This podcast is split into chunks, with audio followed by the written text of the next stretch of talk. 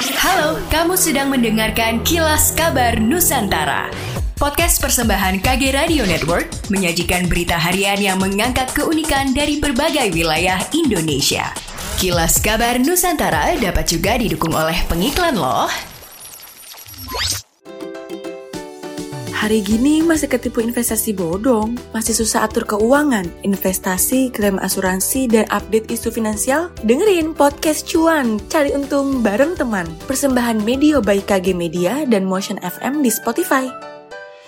Rokok elektrik atau vape termasuk dalam kategori yang dilarang pada Perda Kota Surabaya nomor 2 tahun 2019 tentang kawasan tanpa rokok atau KTR. Wali Kota Surabaya Eri Cahyadi mengatakan bahwa Perda KTR tak hanya berlaku bagi rokok konvensional, melainkan juga berlaku untuk rokok elektrik atau vape sehingga menurutnya kedua jenis rokok itu asapnya mengandung nikotin dan tar dengan atau tanpa bahan tambahan. Sanksi perorangan berupa denda administrasi Rp250.000 dan atau paksaan kerja sosial. Sedangkan bagi instansi atau pelaku usaha, denda administrasi Rp500.000 sampai Rp50 juta rupiah, bahkan pencabutan izin.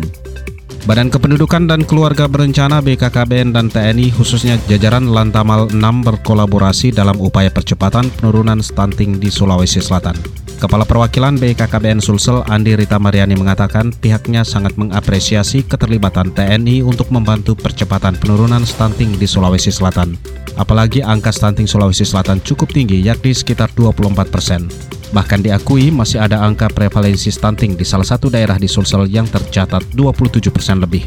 Menurutnya persoalan tersebut harus dituntaskan dengan semangat gotong royong dari lintas instansi, sehingga pada 2024 mendatang semua dapat memenuhi target nasional untuk menurunkan stunting hingga 14%. persen. Sementara Komandan Lantamal 6 Makassar Laksamana Pratama TNI Dr. Beni Sukandri menuturkan kegiatan tersebut merupakan tindak lanjut hasil video konferensi yang dilakukan jajaran TNI dengan Panglima TNI, para menteri dan kepala BKKBN pusat. Dia mengatakan upaya percepatan penurunan stunting itu menjadi tugas bersama. Pihak TNI siap mengambil bagian di dalamnya untuk membantu BKKBN selaku koordinator yang ditunjuk oleh Presiden untuk menurunkan kasus stunting. BPS Sulawesi Utara merilis data perkembangan transportasi laut di Sulut pada periode bulan Juni 2022.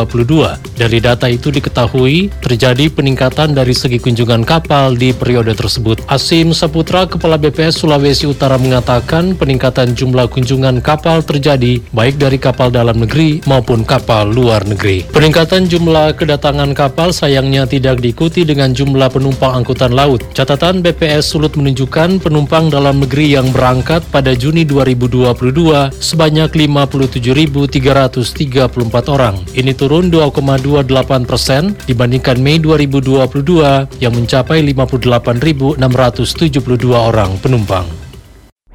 Demikianlah kilas kabar Nusantara pagi ini.